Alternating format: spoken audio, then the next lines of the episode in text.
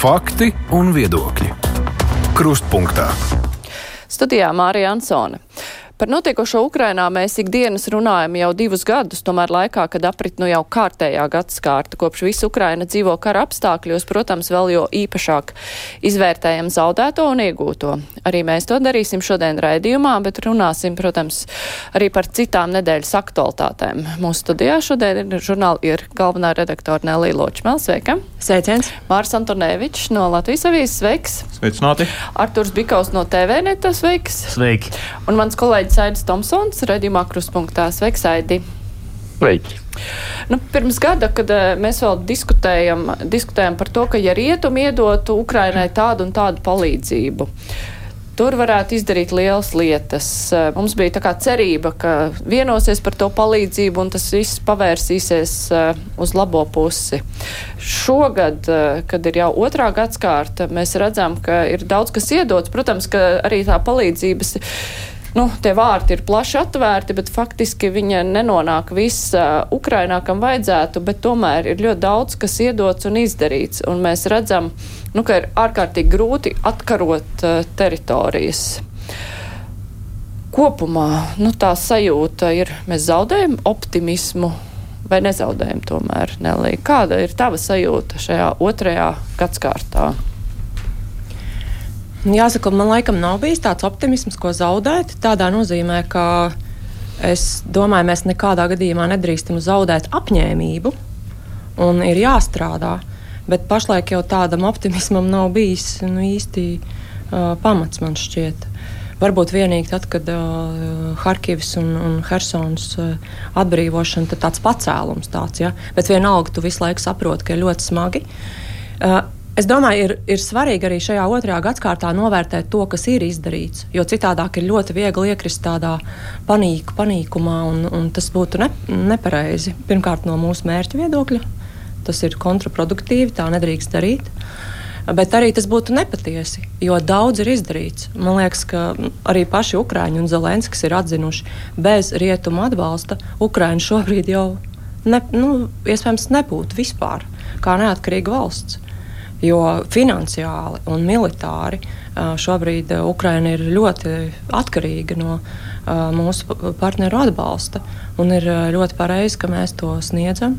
Un, diemžēl ir traki, ka visi tie solījumi, kas ir doti, nav izpildīti. Un tās ir dzīvības cenas. Nu, teiksim, ja, ja nav šāviņu, ar ko atraidīt uh, Krievijas uh, artēriju, tad ir jāatstāj kārtējā vieta un, un būs viņa atkal jāatkaro. Bet man liekas, jā, svarīgi ir to lielo bildi paturēt prātā. Šis karš jau no pašas, uh, paša sākuma, mēs, es domāju, neviens. Ne, visi saprata, ka šis karš ātri var beigties tikai ar Krievijas uzvaru. Ja Ukraina sabrūk, šis karš ar Ukrainas uzvaru nevar beigties ātri. Tāpēc mums ir jānoskaņojas, ka tas ir darbs. Mēs šobrīd esam otrajā gadā. Es nezinu, vai mēs esam pusē, vai mēs esam mazliet pāri pusē. Uh, faktors, kas ir diezgan neparedzējams, ir tieši Krievijas. Uh, tālākā situācija. Jo ir skaidrs, to jau visi eksperti saka, ka Krievijas resursi uh, tieši tehniski arī ir ļoti noplicināti. Uh, viņiem ir ārkārtīgi lieli zaudējumi. Bet, nu, viņi, protams, var turēties uz šo gaļas mašīnas principu, ka cilvēka dzīvībai nav vispār nekādas vērtības. Un, jā, man liekas, tas ir tas trakākais, ko mēs varbūt šajos divos gados esam sapratuši, ka Krievija ir pārvērtusies par tādu staļinisku, uh, totalitāru valsti. Un, ja kāds domā, ka pēc šī kara vienkārši varēsim atkal dzīvot mierīgi kaimiņos, uh, nē, tur būs ļoti daudzām lietām jānotiek uh, pēc Ukraiņas uzvaras, lai Krievija atgrieztos kaut kad normāli normālas valsts statusā. Nu jā, nu rīt sāks jau trešais gads, kas izklausās vienkārši briesmīgi. Tajā pašā laikā nu, tā ir, ka jau, nu, varbūt ne pašās pirmajās dienās, bet jau drīz pēc tam sāk runāt, ka ātri tas nebeigsies ar to.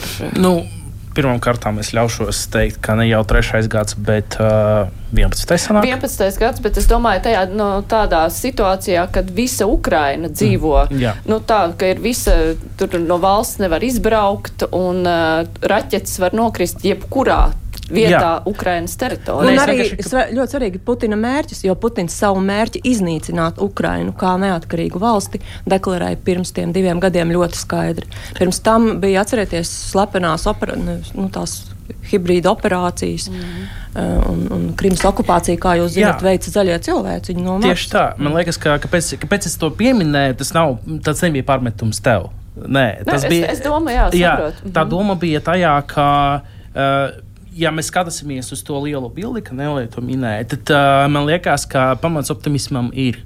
Man. Par mēs es nevaru runāt, ja? bet, ja es runāšu par sevi, tad pamats optimismam ir. Un uh, it sevišķi tāpēc, ka es ļoti labi atceros, ka visi man, uh, it sevišķi, kad tu esi pats politologs pēc izglītības, un es strādāju akadēmijā, kas nu vēl cits, tev stāsta cilvēki blakus, tu lasi, ka trīs dienas un Kīva kritīs simt punktu. Uh, Un es nekad nebiju starp tiem, kas piekrita šim uh, apgalvojumam, un es turpināšu arī uh, uzskatīt, ka tas nu, nemaz nav tik viegli. Un mēs redzējām, ka tas nemaz nav tik viegli, kas ir lieliski. Un uh, vienkārši pēdējos deviņos mēnešus eh, Krievija mēģināja iekarot uh, pilsētu, kurā savulaik dzīvoja 3000 cilvēku, un šīs pilsētas strateģiskā nozīme priekš Krievijas ir teju minimāla. Tas ir vienkārši saprašanai. Un to, cik daudz resursu un cilvēkus viņi nogalināja un, uh, un izterēja, lai to izdarītu, ir absolūti nu, prātam neaptverami. Uh, Pēc uh, aplesēm, dažām aplesēm, uh, līdz pat 20 tūkstošiem cilvēkiem viņi tur uh, zaudēja. Kas jau padara šos konkrētus zaudējumus, lai iekarotu vienu pilsētu, uh, augstākus, lielākus nekā PSRS zaudēja Afganistānā desmit gadu laikā? Secinājums, kāds var pats izdarīt, es domāju. Māri, Jā, es arī piekrītu pilnīgi, ka es pats vienu no nu, lietām, ko esmu kā, apņēmies, ka darīt, kad runā par karu. Un šiem diviem gadiem es vienmēr rakstu pilnu mērogu kara vai pilnu mērogu iebrukumu. Var darīt, kā mm, kolēģis Atis Klimovičs, viņš acīm redzot iedvesmojoties no Ukraiņiem, to sauc par lielo karu. Tātad no 22. gada, acīm redzot, Ukrainā šis ir izplatīts apzīmējums. Ja nu pilnu mērogu tas tāds mazliet tehnisks, bet nu, mums nav tāda īsti laba tāda latviešu valoda apzīmējuma. Tā kā tas ir, protams, ka jāskata šajā kontekstā, manuprāt, arī ļoti bieži tiek aizmirsts. Un, un, nu, un arī tad, teiksim, kaut kādi vērtējumi, kad skan un kaut kādi citāti parādās. Un, Un kā attaisnojums, nu jā, bet viņš jau to teica pirms 22. gada, nu tas jau neskaitās. Nu, tas attiec ne tikai uz krievu oligarkiem, kurus mēģina atmazgāt par senākiem izteikumiem, bet arī mums Latvijā pietiek piemēru, kad, nu jā, bet mēs jau to savulaik runājam, tas jau tur nē, tas, tas, tas bija citā situācijā. Nē, šī situācija pamazām tāda veidojusies, un viņa arī turpina veidoties. Un, Tas, ka vienkārši ka mēs tieši tāpat kā varbūt liela daļa sabiedrības, kā mēs vērtējam šo situāciju, mēs jau vērtējam caur kaut kādām savām emocijām. Mēs jau, mums jau nav tādas pilnas analīzes, lai mēs militārā analīze, politiskā analīze, nu, tur neskat finansiāli tam līdzīgi. arī var būt dažādi. Jā, nu, līdz ar to tie visi, tie, kas tā izskan, nu, vai mēs esam cerīgi vai ne, bezcerīgi vai, vai optimistiski vai kā, tas ir kaut, kaut, kaut kādām emocijām. Mums pienāk kaut kādas labas ziņas un mēs esam iedvesmoti. Nu, un, protams, ir cilvēki, kas ar šīm sabiedrības noskaņojumiem arī strādā un varbūt, ka, varbūt ka viņiem tas arī ir vajadzīgs kādā brīdī, lai tas noskaņojums ir cerīgāks un, un, un, un lai, lai teiksim, tā sabiedrība iedvesmojas, un atkal ir, kad ir kaut kādu vajag kādu lēmumu, kas ir nu, svarīgs. Nu, kā šajā gadījumā, es saprotu, Ukraiņai ir svarīgi, lai šis rietumu atbalsts nemazinātos, jo tur ir kaut kādas diskusijas parādījušās. Ir gan politiskā situācija sarežģīta, zinām, Eiropā, Orbāna faktors, Amerikā vēlēšana faktors, viss sarežģīti paliek. Un, un ir vajadzīgs varbūt, varbūt arī mazliet šī tāda nu, drūmāks skats, kas, kas sapurinātu un, un, un tur mēs vispār visu laiku spriežam, cik, cik ir pamatots šis stāsts par Putina plāniem uzbrukt Baltijai, kaut kur vēl Eiropā, kaut kādu izraisīt konfliktu un, un, un NATO. Nu, jautājums, jā, cik tas ir, cik tā ir kaut kāda daļai spēle ar sabiedrības domu, cik tur tiešām ļoti daudz pamatā apakšā informācijas. Tā kā kaut ko, kaut ko te sēdēt un uz emociju pamata tagad izteikt kaut kādas prognozes, kas būs, kā notiks. Uh, es neņemos. Cita lieta, ka, protams, nu, nav patīkams šobrīd sajūtas nekādā veidā. Pirms gada viņas bija tādas cerīgākas, lai arī tā situācija nebūtu nebija īpaši labāka kā šobrīd. Vienkārši mums tāds noskaņojums bija, emocijas tobrīd bija pacelājušākas. Aidi, tev šonadēļ bija intervija ar uh, Ukraiņu žurnālistu Gordonu. Un, kāds tev radās kopies pēc, pēc sarunas ar viņu? Nu, viņš atrodas tur uz vietas, un viņi to visu redz nu, pavisam citām acīm, nu, tāpēc, ka runa ir par viņu valsti pašā pa, pirmām kārtām. Kāds tev radās iespējas pēc šīs sarunas, kā viņš raugās uz nākotni? Es nevaru teikt, ka man intervija būtu mainījusi to manu izpratni vai noskaņojumu šajā laikā, arī šīs, šajās dienās. Es domāju, ka es paliku apmēram pie tām pašām sajūtām kā iepriekš.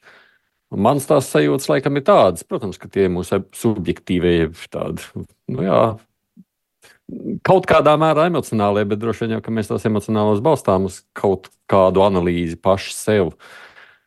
Ilgtermiņā es ticu, ka Krievija kā tāda pēc visiem šiem notikumiem šādā veidā uzvarēt gribēdama nevar.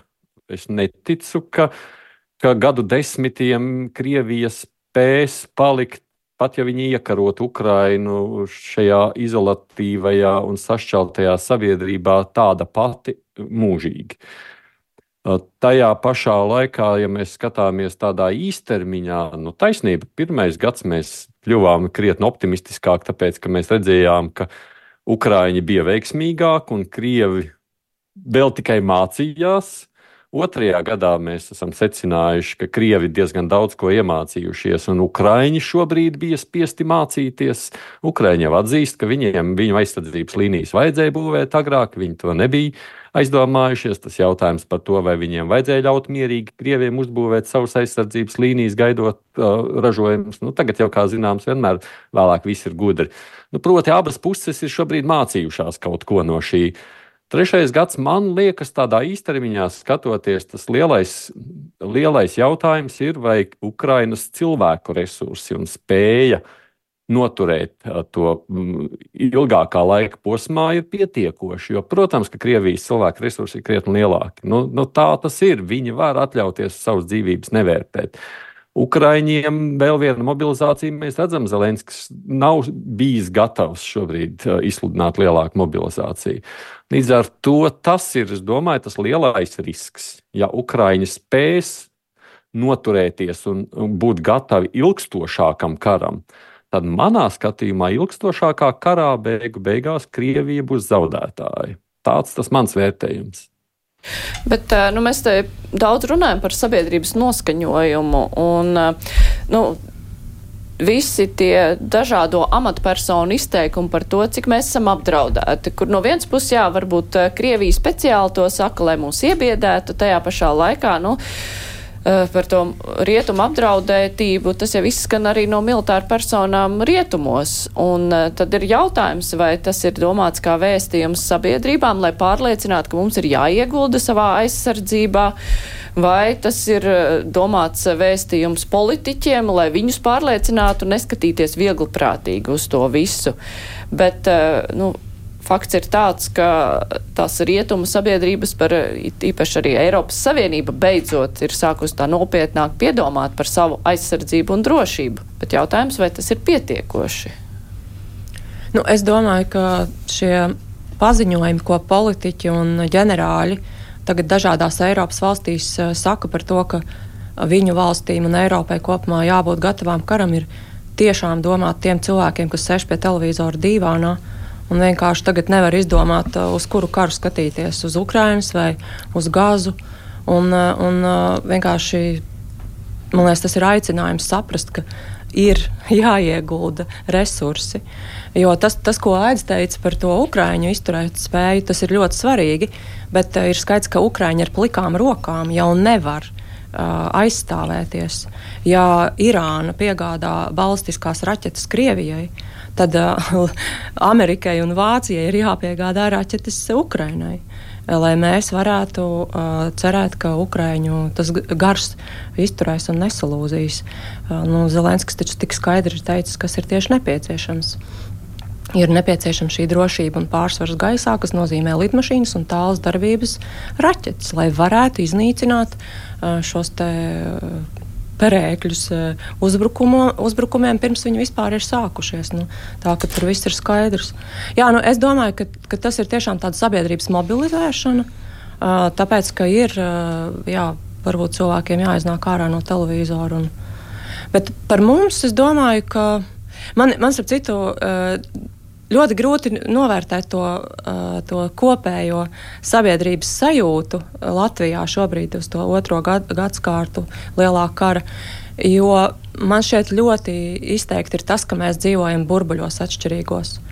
Un mani uh, īstenībā ļoti izbrīnīja un pārsteidza tas veids, kā uh, šodien, uh, kas notiek Latvijā, tika prezentēta tā sabiedrības aptauja par to, kurš no kara iznākumiem cilvēkiem šķiet cerīgāks. Tur visi tur tā, tajā studijā tur kaut ko vaidēja par nogurumu. Ja? Kaut gan, ja tu apskaties tos datus, tur ir pilnīgi uz dāvāns redzams kā latviešu un krievu sabiedrības ir nu, pilnīgi neizku, nav izkustējušās šo divu gadu laikā. Ir, ir milzīgs atbalsts Ukraiņas uzvarai, uh, un ir latviešu vidū, un ir uh, šīs alkas uh, pēc tā, lai vienkārši karš apstājās, uh, un vairs nav, uh, nekas, neviens vairs ne uz vienu nešauj. Uh, tas vienalga, ka, ka, ka Putins ir okupējis uh, piekto daļu Ukraiņas, un tas ir Krievu, krieviski runājošo cilvēku uh, vairākumu viedoklis. Uh, Un, uh, un š, mēs neesam. Uh, es nezinu, tur netika uzdots jautājums, uh, vai jūs atbalstat, cik daudz atbalstīt visas Ukraiņas okupēšanu un likvidēšanu atbilstoši Krievijas propagandas viedoklim. Bet ir skaidrs, ka šis, šī atšķirība pastāv. Un tas jau tā ir tā mūsu ikdiena. Es nedomāju, varbūt vienīgais, ko es tajos datos redzēju, la, varbūt latviešu vidū kaut kādi 40, 50 gadnieki sāk nogurt. Ja? Bet viss vis, vis pārējie ir. Ļoti skaidru atbalstu Ukraiņas uzvarai, jo mēs saprotam, ka jebkurš cits variants, kara iesaldēšana, nozīmē tikai dot iespējas Krievijai atgūties un ar jaunu spēku nu, turpināt. Nu, nu jā, tur, bet droši vien, ka arī mēdīja ietekme ir, jo tieši par to, ka mēs nevaram atļauties karu iesaldēt, par to runā latviešu valodā runājušie mēdīji visu laiku un nemitīgi. Aitis gribēja ko papildināt. Nē, nu, pirmkārt, ļoti svarīgs tas, ko Nelija saka par to pašu mobilizāciju. Varbūt ne tik daudz pat tikai sabiedrības mobilizāciju, bet arī pašu politiķu mobilizāciju. Nu, lai arī kā mēs redzētu, cik ļoti ir spējis mainīties Vācijas politiķi, pieņemsim, Šolts, ir skaidrs, ka viņam jātiek līdz taisnai pārliecībai, ka tas taurus ir jāsūta. Un tāpēc, tas, un tāpēc militāristiem ir par to jārunā un ir jāmobilizē arī pašu politiķus. Tas ir ļoti svarīgs. Bet es domāju, ka te ir vēl divi aspekti, neapšaubām, par ko jau arī visi runā. Pirmkārt, ir skaidrs, protams, lai arī ilgtermiņā Krievija nav tādā veidā spējīga uzvarēt, kā es sacīju, ir neliela taisnība. Nekas jau nemainīsies tādā ziņā. Mēs ne, ne, arī pēc kara beigām nebūs te viena miermīlīga Krievijas valsts. Vismaz šobrīd nekas par to neliecina. Nu, pagaidām neizskatās pilnīgi noteikti. Līdz ar to ir skaidrs, ka mums ir jāgatavojas tālākiem notikumiem. Bet tas trešais man šķiet, par ko es sadzirdu. Ah, nu, tikai tādos slēptos mājienos ir tas, ka, kas liktos pat diezgan loģiski, ka Krievija mēģinās noteikti provocēt vēl kādā virzienā, ne tikai Ukraiņas virzienā. Nu, mēs runājam par Moldovu, bet Baltijas valsts ir šajā sadaļā. Tas nenozīmē, ka Krievija grasās iebrukt. Šobrīd viņai nav ne jaudas, ne spēka. Bet tas, ka viņa gribētu pārvērst, ja pievērst NATO uzmanību vispirms mums pašiem, un tad vispirms raizēties, oh, oi, mums jau vajag papriekš pašiem tās raķetes, pašiem savu aizsardzību, lai tā Ukraina mazliet pagaida. Es domāju, ka tas ir diezgan loģisks Krievijas mērķis, un to es dzirdu no vairāku valstu izlūkdienestiem, un man šķiet, es to dzirdu arī. Nu, tā, nu, tādā ziņā gatavojoties Latvijas amatpersonām, iespējamām provokācijām. Un ar to arī ir jārēķinās. Paga, bet tad eh, mūsu bruņošanās, Eiropas bruņošanās var, karēt, var kavēt atbalstu Ukrainai? Nē, nu kā, mums jau viss, to man liekas, jau ir sākotnēji teikuši gan rietumu politiķi, nu, gan arī mūsu to ka patiesībā jau mēs šobrīd karojam. Nu, mēs nekarojam frontē, bet mēs no nu jā, palīdzot Ukraiņai. Mēs, rokām. mēs, līdz ar to mums, protams, ir jāsadala, jāmāk sadalīt, jo nu, kā karā tu visās frontēs vienlaikus neuzbruc. Tev ir, kurā tu šobrīd pievērs vairāk uzmanību un kurā tu rūpējies attiecīgi gaidot iespējamos kaut kādas situācijas. Skatīsimies to kā kādu lielu fronti. Vienkārši šobrīd mūsu frontē nosacītajā ir klusums, bet ir bažas, ka tas ir kaut kāds virziens, kur varētu kaut kas notikt. Es noteikti nevērtētu par zemu, nu, noteikti ieklausītos, jo ir pārāk daudz cilvēku par to runājuši. Cilvēki ar diezgan, kuri neriskētu ar saviem vārdiem, vienkārši runāt kaut kādas manipulējušas lietas, lai kaut ko sabiedrību kaut kā tur pārliecinātu. Nu, viņi runā, tāpēc, ka viņiem ir pārliecība, ka tā ir patiesība un nu, aiz kuras stāv kaut kādi fakti, kuri varbūt visi netiek teikti, nu, lai arī tomēr ir tie noslēpumi un, un, un, un spēcdienas informācijas, bet ka tas, ka tur ir kaut kādi fakti, tas ir bez šaubām, ka šādi plāni kaut kur ir. Es par to neizvirzītu. Tas, kas man liekas, šķiet Latvijā, ko es pēdējā laikā ar vien tā kā sāka veidoties tas noskaņojums, ka vērojot Latvijas politiķus. Amatpersonas nu nav tā, ka viņi galīgi to laiž gar ausīm, visu, ko viņi dzird. Bet man sāk likties, ka mums ir diemžēl tā sagadījies. Nu, parasti runā ir baloži un vanagi militāra, militāra persona aprindās, bet arī nosacīti politiskajās aprindās. Cilvēki, kas runā par lēmumiem, kuri viena ir tāda par izlēmīgu, un otra tāda, nu, kā jau kaut kā mierīgi, labāk miers un tam līdzīgi. Man sāk veidoties iespējas, ka Latvijā diemžēl dominē van, e, baloži, un vanagi mums kaut kur ir pazuduši, mums viņu nav, un trūkst šī balanse, kas, kas mudinātu aktīvāk rīkoties. Mums ir tā, nu, no aizsardzības resora nāk tādi nu, mierinoši lielākoties, kamēr citur skan satraucoši un ka vajag, vajag uh, kaut ko vairāk, aktīvāk, ātrāk darīt. Tad Latvijā skan drīzāk mierinošas runas. Bet vakar prezidents jā, bija īsts vanaks. Viņš ir vienīgais, es biju... jā, es gribēju vienīgais izņēmums, kas šobrīd ir palicis, ir prezidents, nu, viņš viens nevarēs mobilizēt tik daudz. Mums ir pat Nacionāla bruņu spēku līmenī šobrīd neskapēc ir pieņems kaut kāds lēmums un tāds doma, ka vajag uh, mierināt, ka Leonīdam Kalniņam, NBS komandierim jānāk visu laiku un jāstāsta kaut kas mierinošs, ka nē, nē, nē. Nu, manuprāt, tas no NBS komandierim, no armijas vadības es tādu negaidīju. Es gaidīju tādu van, vairāk vanagu aktivitātes. Nu, jā, prezidents ir labs piemērs. Ka... Es, es te ļaušos uh, aizstāvēt gan NBS, gan aizsardzības ministrijas pozīciju no tā skatu punktā, ka varbūt, ja teiksim, viņi, uh, nezinu, ne jau būtu ieņēmuši tādu vanāku pozīciju, bet drīzāk ļoti daudz stāstītu par to, cik mēs esam nedroši un tā tālāk. Tad pirmkārt, uh, sabiedrības sajūta par to, cik viņi ir droši varētu krietni pasliktināties, un tas arī nekas nav tajā labs. Ka sabiedrība, uh, ka sabiedrība sajūta, ka ne jau rīt, bet parīt uh, mēs te visi kritīsim bojā. Es, es nedomāju, nesaprotu, tas, kā, kā, kādā sakarā šāds salīdzinājums vai Vācijas aizsardzības ministrs stāstot par draudiem, biedēs, nodara kaut kādu kaitējumu. Domāju, ka... Vai Zviedrijas amatpersonas bruņoto spēku virspavēlniecim un arī vai viņi nodara kaut, ko, kaut kādu sabiedrību nobiedē ar to. Man liekas, tā ir realitātes apzināšana un nevis tiek gaidīts, ka viss tagad sarausies un baidīsies, bet tiks veiktas kādas darbības, bet lai es, drošību nostiprinātu. Bet es domāju, Mārta, atšķirība ir tā, ka Zviedru armija ir ļoti spēcīga spēcīga, Vācijas armija ir ļoti spēcīga.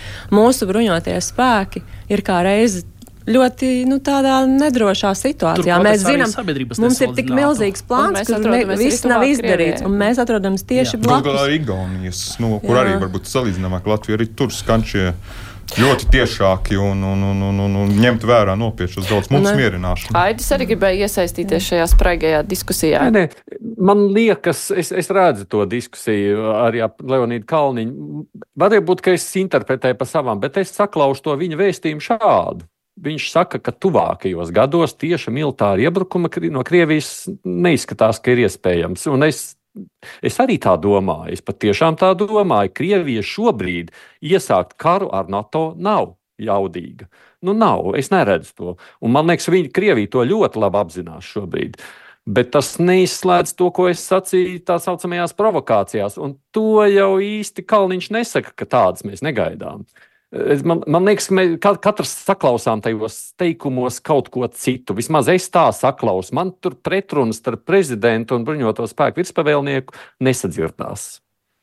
Tomēr bruņotā spēka virspavēlnieks nesaka, ka tūlīt jāiet ar, ar, ar jāpārrok ceļi pie robežas. Es biju īstenībā ļoti pārsteigta par, par to prezidenta izteikumu vakar sājumā. Lai gan jāiet viņš bija pēc tam jā.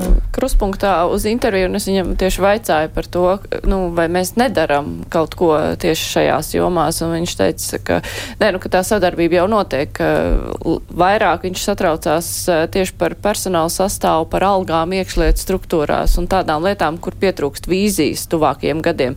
Respektīvi, solījumi ir, bet uz papīra tas neparādās. Nu, Rinkevičs, kad nāca pie varas, viņš jau teica, ka viņš, nu, tas viens no viņa vēstījumiem būs, ka viņš skatīsies, kur ne tikai kā prezidenta pienākumus pildīs, bet viņš arī skatīsies, kur kaut kā pietrūkst un, un, un iesaistīsies aktīvi tieši šajās jomās, kuras varbūt nav tīri ar prezidenta darbību saistītas.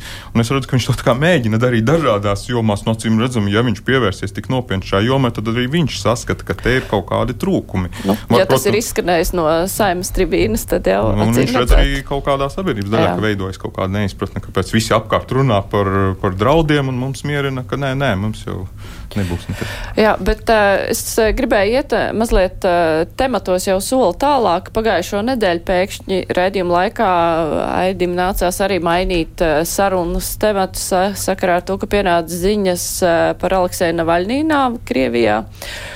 Un uh, tajā brīdī mēs arī tā vairāk, nu, tos pirmos iespējas mēs komentējām, bet uh, tagad ir nedēļa pagājusi, un mēs redzējām arī, kas notika Krievijā.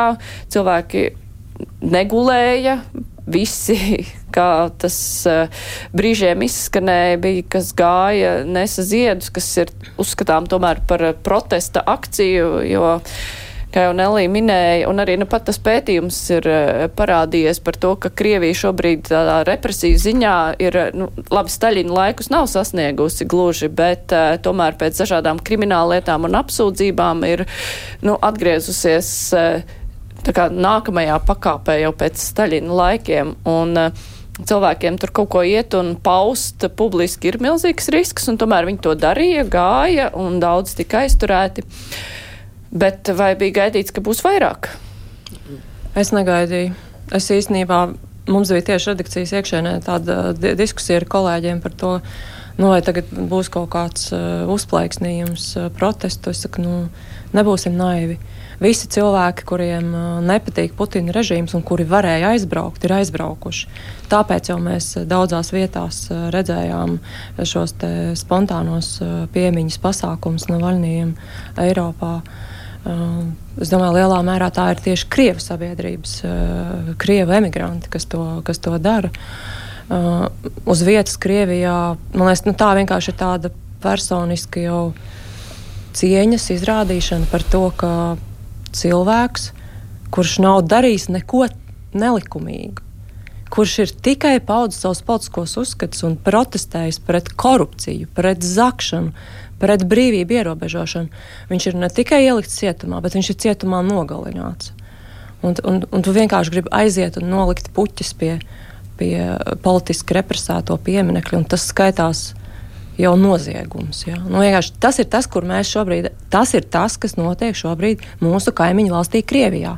Tāpēc es aicinu vēlreiz visus skaidri, arī visu šo krievu uh, valodīgo burbuli, kuri domā, ka tajā mirklī, kad pārtrauks šāvienus Ukrainā, uh, varēsim atkal atgriezties atpakaļ pie tā, ka Krievija ir normāla valsts. Nē, mīļie draugi, tā nebūs. Krievijā ir izdarīts ārprātīgs daudzums kara noziegumu šis karš pats par sevi ir noziegums, bet tā ietvaros vēl notiek daudz citu noziegumu uh, pret, jā, pret brīvību, pret cilvēcību. Un kamēr šie noziegumi netiks atzīti un iztiesāti, kamēr tas netiks izvērtēts pašā Krievijā, kaut kādā punktā pēc viņu sakāves šī režīma, Tikmēr eh, es nedomāju, ka šai nācijai ir kaut kāda nākotne. Un līdz ar to arī mūsu draudi vienmēr paliks. Jo ja mums blakus ir šāda briesmīga tirānija, nu tad veids, kā šī tirānija novērš cilvēku uzmanību no tā, ka viņu dzīve ir neciešama. Viņu sadzīve ir vienkārši traģiska, un, un, un cilvēki kļūst ar vien nabadzīgāki un nodzerās. Un tas ir tas iemesls, kāpēc viņus var tik viegli iemest tajā gaļas mašīnā. Jo viņiem pašiem viņa dzīve neliekās vērtīga. Tikmēr, kamēr, kamēr tas nemainīsies, tikmēr mums vienmēr būs šis drauds uh, tieši blakus. Tāpēc mums visiem mums ir jāapzinās reāli, tas Krievija Putina 20 gadu valdīšanas gados ir izmainījusies. Bet mm. nu, tas, ka tomēr Kremlī negrib pieļaut uh, šādus, nu, kaut kādus protestus, jau tas vien, ka Navaļnī mātei negrib atdot viņas dēlu ķermeni, lai viņas arī ko bēres, un baidoties no tā, ka bēres izvērtīsies par protestu akciju. Nu, droši vien jau tāpat nebūtu tāda protesta akcija, kas grāž režīmu tajā pašā laikā. Es domāju, ka viskorektāk būtu runāt par to, ka dēļ tiksim, tādi protesti nebija tik iespaidīgi, kādi viņi varēja būt. Ir vienkārši Uh, tie riski, kas draud tiem cilvēkiem, kas iziet ārā, un te es pilnīgi piekrītu Nelijai. Tā neziņā. Vienlaikus uh, man šķiet, ka arī uh, runājot par Krievijas nākotni vai par Krievijas sabiedrības nākotni, es neesmu tik pesimistisks tieši tādēļ, ka galvenais iemesls, ka, kāpēc Krievijas sabiedrības uzvedība ir tāda, kāda tā ir, slēpjas Kremlī. Attiecīgi, tik līdz valstī ir normāls režīms, normāla valsts, starp citu, ja, mēs uzreiz redzam nopietnas un diezgan ātras izmaiņas. Un te man liekas, ka viens no spilgtākajiem piemēriem, starp citu, būtu, un kāpēc man šķiet, ka salīdzināt Ukrainu un Krieviju ir absolūti nepareizi un nekorekti, būtu tieši Ukrainas uh, piemērs. Ko es ar to domāju? Uh, bieži vien runājot par uh, 2013. un 2014. gada protestiem. Ukrainā. To sniedz Krievijai kā piemēru. Lūk, jūs varat darīt tāpat. Um, īstenībā tas nozīmē to, ka jūs pielīdzināt uh, Ukraiņas režīmu 13. gadam tādam pašam, kas šobrīd ir uh, Krievijā 2023. vai 2024. vai 2022. kas man liekas absolūti nekorekti pret Ukraiņas režīmu. Nu, tā ziņā, ka apgalvot, ka Ukraina dzīvoja tādā pati autoritārajā valstī, Nu, attiecīgi, tad Ukrāņi bija, bija, ir bijuši atbildīgi par to, ka uh, viņi dzīvo autoritārajā valstī. Ne, nu, Man jā, liekas, ka tas nu, jā, ir vienkārši. Nu, mēs arī nevaram salīdzināt, neglīti, piemēram, Brežņevu ne... laikus ar Gorbačovu laikiem. Tieši tā, man liekas, tas vienkārši neglīti, neglīti, nekorekti pret uh, Ukrainas iedzīvotājiem. Man, man liekas, ka nu, bieži vien tā salīdzinot, uh, mēs neņēmām vērā šo kontekstu. Tas ir svarīgi. Un uh, vēl viens piemērs, domāju, kas jāpaturprātā. Um, un atkal, uh, tie salīdzinājumi pati par sevi, e, man liekas, prasās ņemot vērā to, ka Putins man šķiet, ka nav tālu aizgājis prom no nosacīta Hitlera. Teiksim, ja? Bet e, pēc otrā pasaules kara beigām Vācija pietiekami ātri tika integrēta e, Eiropā atpakaļ un kopumā. Tāpēc, ka, tāpēc, ka nac, nacisti tika tiesāti, tāpēc, ka notika Jā. šis tribunāls kara noziegumi, tika izvērtēti, izpurināti, visa sabiedrība tika izpurināta līdz pēdējiem. Bet mēs varam tikpat labi apgalvot, ka tad 44. gadā jā, bija stiprs iespējas par to, ka Vācijas tautā ir pietiekami daudz cilvēku. Kuri patiešām ienist nu, līdz tādam līmenim, ka viņi ir gatavi nogalināt miljoniem ebrejus. Nu, tā ziņā, ja mēs teiksim, apgalvosim, ka re, kā var Putina režīms izdzīvot bez tādiem cilvēkiem, respektīvi tauta ir tāda. Nu, tikpat labi var apgalvot, ka kā Hitlera režīms varēja izdzīvot, tauta ir tāda. Nē, es Nē. domāju, ka režīms ir atbildīgs par to, kāda ir valsts. Um, nu, man liekas, ka. Nē, bet cilvēki ir atbildīgi par to, kāds ir režīms. Nu, tad, attiecīgi, Tāpēc, Vācijas ka... tauta ir tāda, kāda tā ir. Nu, respektīvi, kā kas, tauta, kas ienes tai tautai ir, jā, tautai ir jāatzīst tas, kā, kā Hitlers demokrātisko vēlēšanu ceļā varēja nonākt pie varas un kas, no, kas notika tālāk. Un tieši tas pat to pašu mēs šobrīd redzam Krievijā. Nu, uh, viņš to varu pēc tam pārņēma nevisai likumīgi. Jā, tieši tā. Bet, arī Putins soli pa solim ir sācis, sākot ar vārda brīvības ierobežošanu, tālāk visu pārējo brīvību ierobežošanu, un sabiedrība to ir pieņēmusi. Ir, ir kaut kāds darījums tāds noticis, ka lai nu, viņi protams, to dara. Protams, nekas nevar rasties, nevar iesēt sēklu neauglīgā zemē. Stāstīt tagad pilnīgi modelēt, ka atnāk kaut kas un vienkārši izveido sabiedrību kā plastilīnu pēc saviem ieskatiem. Diemžēl tās reiz tā arī nē, ir. Tā nav, un, un, un var, var, protams, sev iestāstīt, ka tā ir, bet nē, sabiedrība postpadomju sabiedrības Ukrajinā un Krievijā bija diezgan līdzīgs, iznāca no diezgan līdzīgiem apstākļiem, katrs izvēlējās savu ceļu. Protams, tas varēja dažādi tika veicināts, varbūt bija kaut kādi dažādi instrumenti, kas pavērs uz vienu vai uz otru pusi, bet nu, sabiedrība arī kādā tas veidojas. Un, ja Nelija pieminēja to Latvijas krievu burbuli, man īpaši par to negribējās runāt, bet tur visu laiku stāsta, saka, ka viņš ir tā kā. Nu, ka viņam jāsaprot, ka, nu, ka nebūs labi. Bet kāpēc es domāju, ka daļa no šī burbuļa negribētu dzīvot tādā Krievijā mūsdienās? Varbūt viņam tāda valsts patīk un tāda sabiedrība ar visām tām represijām, ar visu, kas tur ir. Kā, ka, ka visiem tas varētu šķist briesmīgi, bet ir arī cilvēki, kam tas ir labi apmierina. Arī mūsdienu Krievijā ir pēc, pēc dažādām no, normālām statistiskām aptaujām, kuras netiek apšaubītas, kuras nav viltotas. Pat tur tiek runāts par 70, 80%, ka diezgan mierīgi cilvēkus visus joprojām apmierina, neskatoties uz represijām, kamēr tas viņu pašu neskar. Viss... Nu, tas ir arī daudzās sabiedrībās. Jā, un, un, ja runā par Vāciju, tad tā ka... trauma pēc otrā pasaules kara ātri tika galā. Tas ir nezināt Vācijas šo iekšējo sajūtu nepārzināt. Viņi tik ātri gala, es teicu, Nē, kā liekas, viņi tika ieintegrēti. Tika... Ieintegrēt, nu, labi, ieintegrēt var, ja, ir var, divas ja, dažādas lietas. Man, man bija piemērs, es biju 2004. Mm, gadā Nīderlandē. Uh, nu, braucot cauri Nīderlandai, viena diena bija tur pavadīta. Es nolēmu apmeklēt uh, vietu, kur notika Nīderlandes kara tribunāls. Es aizbraucu, tur bija uh, ieradušies vācu turisti, nu, kuri nu, teiksim, no citām pilsētām varbūt tur kaut kur atbraukuši. Viss notika vācu valodā. Mazliet mācījos, teicu, jā, droši rīkot vācu valodā, man nevajag nekādu tulkojumu. Vienkārši klausies. Un tur nu, tika visādi stāsti un tam līdzīgi. Un beigās bija filma, kur rādīja nacistus, nacistus to tiesu, un, un, un visi šie nacisti kaut ko teica tur savam vācu valodā, savam attaisnojumam. Vācieši, kas sēdēja, viņi nevarēja mierīgi nosēdēt. Viņi uzskatīja, ka viņiem ir skaļi jāizsaka nosodošas piezīmes šīs filmas laikā. Tātad viņu šī vainas apziņa joprojām bija tik liela, ka viņi uzskatīja, ka tas ir jāizrāda publiski.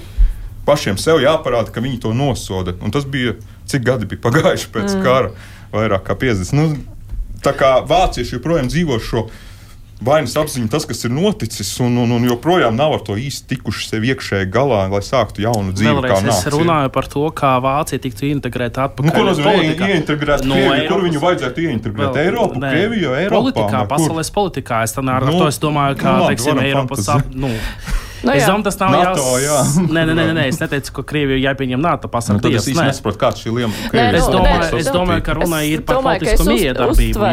Ar to domu, bet labi, man eh, šķiet, eh, jā mēs varētu iet eh, tālāk. Es tikai gribētu Aida vēl rezumē par eh, šo nedēļu pēc eh, Navaļnī nāves.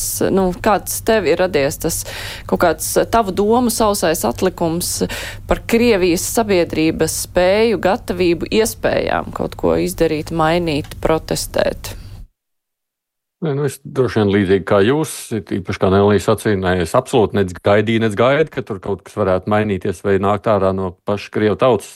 Absolūti noteikti ne, redzot to, kas, kā, kā viņi ir sazombēti un iebaidīti, pilnīgi noteikti nē. Tas, kas vienīgais, ko tur redz pieminēja pati Māra un kas šajā visā stāstā man liekas tas interesantais aspekts, cik ļoti tomēr Krievijas varā ir tādas, nu, nezinu, schizofrēniskas bailes. Jo nu, ko tad viņi tik ļoti iebaidot savu sabiedrību, var baidīties no viena no vainīgu bērēm?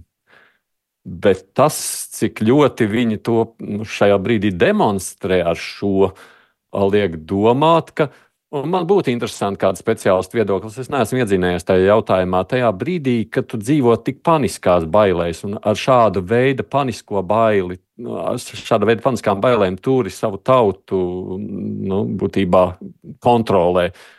Nu, vai tas kaut ko liecina par, nezinu, gan par tavas varas vājumu, gan par nu, kādā brīdī ar šādām bailēm izprovocējot kaut ko citu? Nezinu. Es, es gribēju piebilst, man liekas, tas ir tas, kas man ir cilvēcīgi visvairāk visā šajā stāstā. Ir tā aizskārs. Ir, es arī skatījos, Nārnī mātei bija divi paziņojumi. Tajā pēdējā viņa teica, ka viņai, viņu slepeni aizved uz morgu un parādīja viņas dēla līķi. Uh, un tas zemiskuma līmenis, kad, kad viņi vēlas piespiest viņu, ka tas Navaļnijas ir kaut kur slepeni jāaprok vienkārši kaut kādā kapā. Savādāk viņi vienkārši turēs to līķi un negrib pieļaut publiskās vērs un saka, nu, ka, lai viņš tad sapūst tas līķis. Man liekas, ka tas zemiskuma līmenis ir tieši tas, no kā tas Putins baidās. Jo tajā mirklī, kad, nu, kad tas kļūst tik acīm redzami, ja mātei ir jānāk un jāsaka, viņi jau ir nogalinājuši. Cilvēka vairs nav. Un nevar vienkārši cilvēcīgi apbedīt. Man liekas, ka to jau pat, pat ļoti pārzombēti cilvēki tomēr saprot. Nu, ir kaut kur taču robeža, vai mēs tagad cīnāmies arī ar līķiem? Man liekas, ka tas ir tas, tas, tās bažas, ka labāk visu. Nu, viņš ir čekists. Putins ir čekists. Viņam patīk visu pakluso, ātri, tīri no, no, novākt. Un, un, jā, un kaut tas līķis viņam... Krievijā, Krievijā tiem līķiem ir uh, vienmēr bijusi tāda nozīme. Nu, mēs zinām, kurš līķis ma Maskavas sarkanajā laukumā stāv. Taisnība, nu, es domāju, jā. ka viņi zina šo piemēru, ka cilvēki ir gatavi iet arī pie tādu, uz tādu vietu gadiem un stāvēt ah, rindā.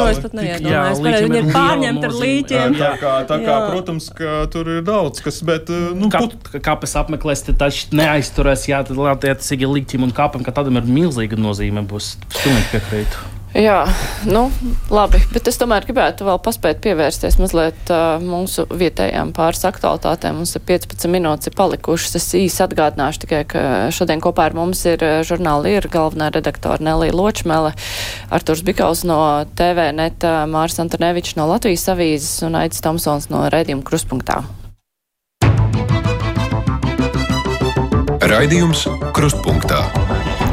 Mazliet par uh, Stradiņu slimnīcu gribēju runāt. Es eh, pieļauju, ka mums pietrūkst arī varbūt informācijas, mm. kas, kāpēc, ko tur darīja, bet tomēr tas viss tā epopēja par eh, šīs te ēkas eh, neuzceltās vēl ēkas, nepabeigtās ēkas pārņemšanu. Nu, tas viss vismaz liek uzdot kaut kādus jautājumus, nu, kāpēc tā vajadzēja, jo tas, ka būvniecība kavējas, nu, tā ir realitāte ļoti daudzos objektos. Tas, ka ir Eiropas naudas pazaudētas, diemžēl mēs arī ar to saskaramies. Bet uh, tas, ka viens būvnieks negrib iet prom no būves un ir jāgaida, politi, jāsauc policija, lai viņš uh, tiktu. Lai šīs lietas varētu pārņemt, nu, tas bija kā kaut kāds jaunums, un tā retorika, kas vēl izskanēja, ka tas bija laikam no būvnieku puses, tomēr, ka viņi pielīdzināja 90. gadiem. Uh, lai gan uh, citi cilvēki mums te klausītāji zvanīja, un uh, viņiem šķiet, ka tie, tieši otrādāk izklausās, ka tie 90. gadi varbūt uh, atspoguļojas uh, būvnieka lauciņā, bet nu labi, nevērtējot to visu. Uh, Kas tur varētu slēpties? Artur, tev ir versijas. Nu, kāpēc to vajag darīt? Kāpēc vajag slēpt dokumentus? Kāpēc? Es domāju, ka pilma, pirmais, ar ko es sāktu, es pilnīgi piekrītu tam, ka šobrīd trūkst tā pilna aina, lai secinātu un vērtētu. Uh, un tik līdz tie dokumenti būs pieejami, tad būs krietni vieglāk. Bet, ko Tie es... jau ir pazuduši. Daži. Nu, daļa. cerams, ka varbūt atrādīsies. Mm -hmm. Tā mēdz ik pa laikam gadīties vismaz atkal cerības paliek. Mums ir mūsdienās visiem nebūtu jā. jābūt elektroniski. Jā, jā, es domāju, ka tas ir citu, jā, taču jā, būvniecības informācijas sistēma, tāpēc arī tika veidota, lai viss ir elektroniski. Jā, tieši tā, es te pilnīgi pie, piekrītu man. Bet nu, būvniecības žurnāls ka... varētu arī varbūt būt, es nezinu, rakstiski taisīts. Uh, bet vienkārši man liekas, ka tas, ka tas ir noticis 24. gadā, tas daudz ko pasāka par to, uh, ka Eh, lietās tiek rīkotas un tiek darītas. Un tas man liekas, un it sevišķi es domāju, ka šeit uh, mums uh, kārtējā reizē jāsāk, ka šķietāmi Latvijā uh, nav tāda lieta kā reputācija. Vismaz tik līdz tu esi pārāk liels, tu, te, tev neskars neko.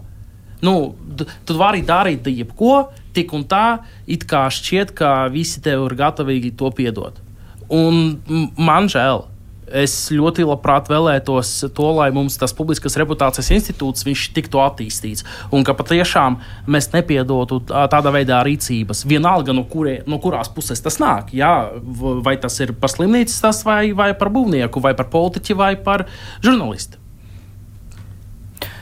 Es, es arī uzreiz pasaku, ka es ne, nezinu detaļas.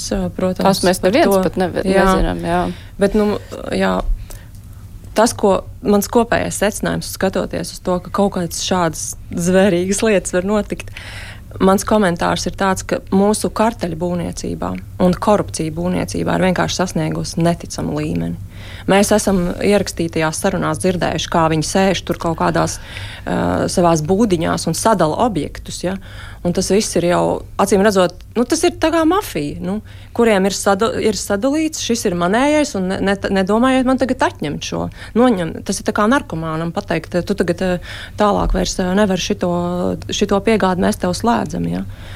Un man liekas, ka šis ir, šis ir akmens tiesības sargu dārziņā acīm redzot, šī korupcija būvniecībā turpinās. Acīm redzot, mums trūkst jaudas to pieķert laikā, nevis tikai pēc tam vēlāk šķetināt. Un, jā, un tas ir arī akmens valsts pārvaldes dārziņā. Nu, aizlaist procesu tik tālu, uh, ka ir jāsauc policija, lai arestētu kaut kādus žurnālus, lai viņus neiznes ārā. Nu, man liekas, tas vienkārši ir ārprātīgi slikta pārvaldība. Un, un, jā, man liekas, ir laiks atmosties. Klausieties, tie karteļi ir sadalījuši visu. Jā, ir ceļi brūk kopā. Mājas netiek uzbūvēts arī starp citu brūk kopā. Jā, Maksimā atceramies, jā, jaunbūve sabruka, ne jau kaut kāda vecā laika māja. Tagad slimnīcas pagrabā, kurā jābūt, ir operācijas zālēm, ir pe pelējums. Jā. Nu, vienkārši, mīļie cilvēki, tā ir mūsu valsts. Jūs zogat uh, šos valsts līdzekļus ārprātīgos apjomos. Ja? Jūs acīm redzot, netiekat pieķerti un pietiekami tiesāti, bet paklausieties, mēs šeit dzīvojam. nu, bija kādreiz tā vecā anekdote par to, kā atšķirās varbūt Igaunijas un, un Latvijas korumpanti no tā, ka nozog, bet vismaz izdara. Nu jā, bet šajā gadījumā jau mēs nezinām, vai kāds kaut ko ir zadzis vai nav zadzis. Mēs nezinām to, bet mēs tiešām to mēs nezinām. to nezinām, bet vienkārši viss, visa viss pasūtījumu, būvniecības pasūtījumu stāsts, tur, kur mums ir izdevies atrast pierādījumus, tur mēs redzam totālu, vienkārši totālu visu pasūtījumu sadalīšanu. Es vienkārši neredzu iemeslu, kāpēc, tas, kāpēc naivi uzskatīt, ka, ka tas ir pārtrūcis pats no sevis.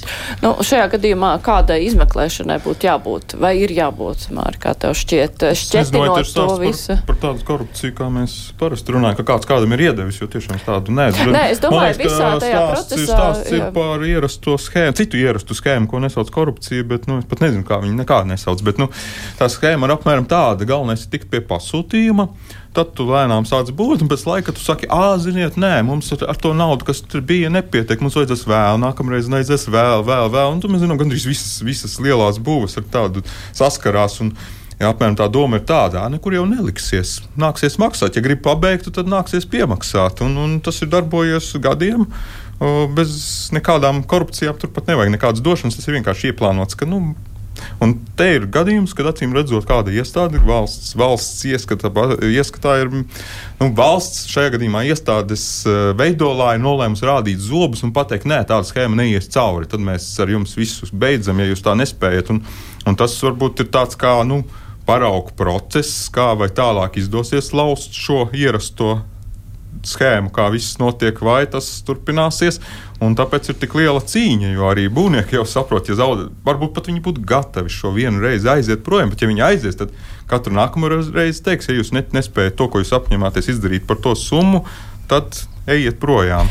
Bet šajā gadījumā, nu, vai tiešām, ja tev pasūtīties ir to līgumu laužu, nu, vai iecērtoties vispār kaut ko var panākt? Nu, tā taču var tikai nu, sabojāt kaut ko juridiski, juridiski saskait, saskata, ka tur ir iespēja kaut ko pacīnīties un pierādīt savu un galu galā. Nav jau izslēgts, ka kaut kādā procesā kaut kur kaut ko viņi vēl dabūs, bet šobrīd ir galvenais pateikt, ka šādas schēmas nedarbosies visos iespējamajos projektos, kas būs, kur, nu, saka, nu, pilnīgi jau cik, cik paskaties visos tās visticamāk ir bijis, ka mums nepietiek, vajag vēl, vēl, vēl, un tik dodiet miljonu, miljonu, miljonu tikai ripo uz priekšu. Nu. Aidi, kā tev šķiet, nu, šeit tas uh, reputācijas uh, sagraušanas risks gal galā nav bijis lielāks uh, nekā. Nu, vienkārši labāk būtu bijis varbūt atkāpties un uh, nodot tās lietas, bet tagad uh, nu, cilvēkiem ir no, radies jā, iespējas noteikts no, par tu, tādu. Tu no būvnieka puses domā viņiem atkāpties? Jā, vai, viņa, vai viņu reputācija tagad nav sagrauta vairāk nekā, ja būtu vienkārši aizgājuši un miers, ja reiz prasa? Bet Mārcis jau teica, šis jau nav pirmais gadījums. Mums jau kā, bija tiesa, atceramies, gais, tāpat gaismas pilsētas būvniecība, ko beidzās ar tiesāšanos starp valstu un būvniekiem. Mums atceramies stāst par jaunā Rīgas teātri. Šie jau visi nav jau pirmā reize, kad mēs kaut ko tādu saskaramies. Tik daudz, ka nu, šajā reizē šķiet jaunā stradiņa valde nu, izrādījās apņēmīga šajā brīdī, neļauties uh, vēlreiz šai šantāžai. Būtībā jau Man jau liekas, ka te nu mēs redzam vienu tādu pamatīgu kulmināciju tai visai kopējai sistēmai, kāda būvniecībā valda. Ja mēs, es nezinu, kā jums, man kādreiz nācies tikai tādās aizklausēs aprunāties ar būvniekiem vai tiem cilvēkiem, kas tur stāv tuvu būvniecības procesiem. Patiesībā jau man liekas, viņi paši saka, ka viss tā sistēma ir sapūs. Nu, Realtātē jau ir tā, kā Mārcis saka, tu vinnē konkursu un pēc tam skaties, kurā brīdī kāds apakšuzņēmējs piesaistīt, jo tiem būvniekiem jau savu būvētāju nemaz nav. Viņiem ir tikai būvētāji uz papīra lielā mērā. Tālāk jau viņi ir tie nu, ģenerāli uzņēmēji, kas rūpējās, ģenerāldirektors ievēlam apmēram tā.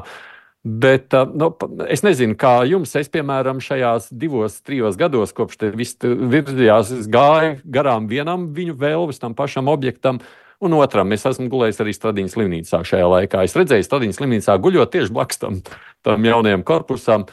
Nu, tur laiski pirms gada cilvēki pāris staigāja pa būvlaukumu dienas laikā. Tu kādus tur redzēji, praktiski tur gandrīz nekas nenotika. Tajā pašā laikā novīra, kas arī vēl, vēl būvē pretī centrālajai stacijai, tur redzēja, kā tur kūsā darbi tur kūsāja divu gadu garumā ļoti cītīgi. Tāpēc, ka viens ir privātais pasūtītājs, otrs ir valsts, un tu to valstis pieredzi, ka tu vari čakarēt. Jo būtībā jau, nu, kur tu liksies, vai ne? Tā kā Mārcis saka, mēs esam izveidojuši sistēmu, kurā mēs paši, nu, Jā, mēs nevaram kā valsts pat pasūtīt un saņemt to, kas ir nu, ieplānots, jau iecerēts. Es gribētu, ļoti cerēt, ka varbūt šī ir tāda iespēja, kurā mēs visi atmostamies, gan varbūt arī kā mēdī, jo es neesmu īsti iedziļinājies tajos būvniecības procesos. Gan es ļoti ceru, ka ekonomikas ministriem vispār jau vēlreiz apskatāmies, vai mums tā sistēma, kāda vispār līdz šim darbojas, patīk vai nē. Mums taču viņa galīgi nepatīk. Bet mēs neesam spējīgi kaut ko laust. Kāpēc citās valstīs tā nav? Nu, tad mums izdosies eh, laust sistēmu, vai ir tādas iespējas, jo, protams, mēs to nevaram prognozēt, bet vai šis varētu būt tas gadījums, kad eh, tā sistēma tiek es teiktu, es teiktu, protams, ka iespējas ir. Nu, tas ir tā kā apgalvot un teikt, ka nē, mēs esam nolēmti tam, ka mums neizdosies apkarot korupciju. Nu, nē, mēs neesam nolēmti. Cits stāsts, eh, tas ir uh, par to, kas jau minēja par to publisko reputāciju. Es ļoti gribu un redzēt to arvien biežāk un biežāk, kā tiek pausta uh, tā kritika pret uh, iesaistītajām pusēm, nu, teiksim, pret būvnieku, kā, kā piemērs, jā, kā re cilvēki sāka, ka mēs negribam, lai vairs šāda tipā uh, līgumi tiktu slēgti ar šo būvnieku uh, turpmāk. Nu, tas mazliet ilūzija, jo, jo, jo redzi... tas arī sauc par to publisko reputāciju. Vēlos, jā, tas bet saproti, tā, tas bizness ir tāds, ka tur var nomainīt nosaukumus, īpašnieks un tam līdzīgi, un viss, viss, viss tas notiek. Jā, jā. Un, un tā reputācija, tas ir, saka, tas jaunais saka, bet man jau nav nekāda, vai nu es jau visu darīšu citādāk. Nē, nu, sliktākais šajā situācijā tas ir, tas ir varbūt tāds paraugu stāsts, kas tālāk notiks, kā mēs redzēsim, kā viņš attīstīsies. Sliktākais, protams, tas, ka tā slimnīca nav, nebūs. Un, un tas tas beigas, lai kā tas tagad tur neturpinātos, nu, nebūs viņa laikā. Nu, visticamāk, mums būs nu, jāgaida vēl ilgi. Laikā. Jā, viņa jau bija pirms gada. Jā, vēl diezgan ilgi, acīm redzot. Mm. Jā, nu, un otrais, ko man liekas ļoti pareizi arī Aidis pieminēt, bet te es kā žurnālists saku, nu, jā, laikam mums mēdiem arī nedaudz aktīvāk jāiedziļinās šādā tipā iepirkumos un dokumentos, lai arī to visu parādītu un sastītu sabiedrībai. Nu, tas, ka, protams, nu, cilvēku nav, un uh, tas ir ļoti sarežģīts darbs, lai tas izdarītu pareizi. Jā, tomēr mudināt knāp ķerties pie darba. Uh, Tas jā. ir viens paralēls process, kas var notikt mm. paralēli gan žurnālistu uzmanībai, gan arī tiesību sargājošo iestāžu uzmanībai. Bet reputācijas jautājumu ņemšana vērā, tas ir arī atsevišķs tās. Un no vienas puses ļoti grūts darbs, bet no otras puses, kas šķiet pašsaprotam, ka par to vajadzētu domāt. Bet labi, šajā raidījumā mēs par to vairs nevaram paspēt runāt, eh, jo raidījuma laiks ir pienācis beigām. Kopā ar mums šodien bija Nelija Ločmila no žurnāla, ir Māris Antonevičs no Latvijas avīzes, Arturs Bikaus no TVNet un Aidis Tomsons no raidījuma Kruspunktā. Paldies par piedalīšanos! Raidījums ar to arī izskan. Raidījuma producente Ieva Zēza studijā bija Mārija Ansona. Vislabāk mēs tiekamies arī pirmdien, kad mūsu studijā būs Eiropas cilvēktiesību tiesas tiesnese Inets Ziemele attālināti.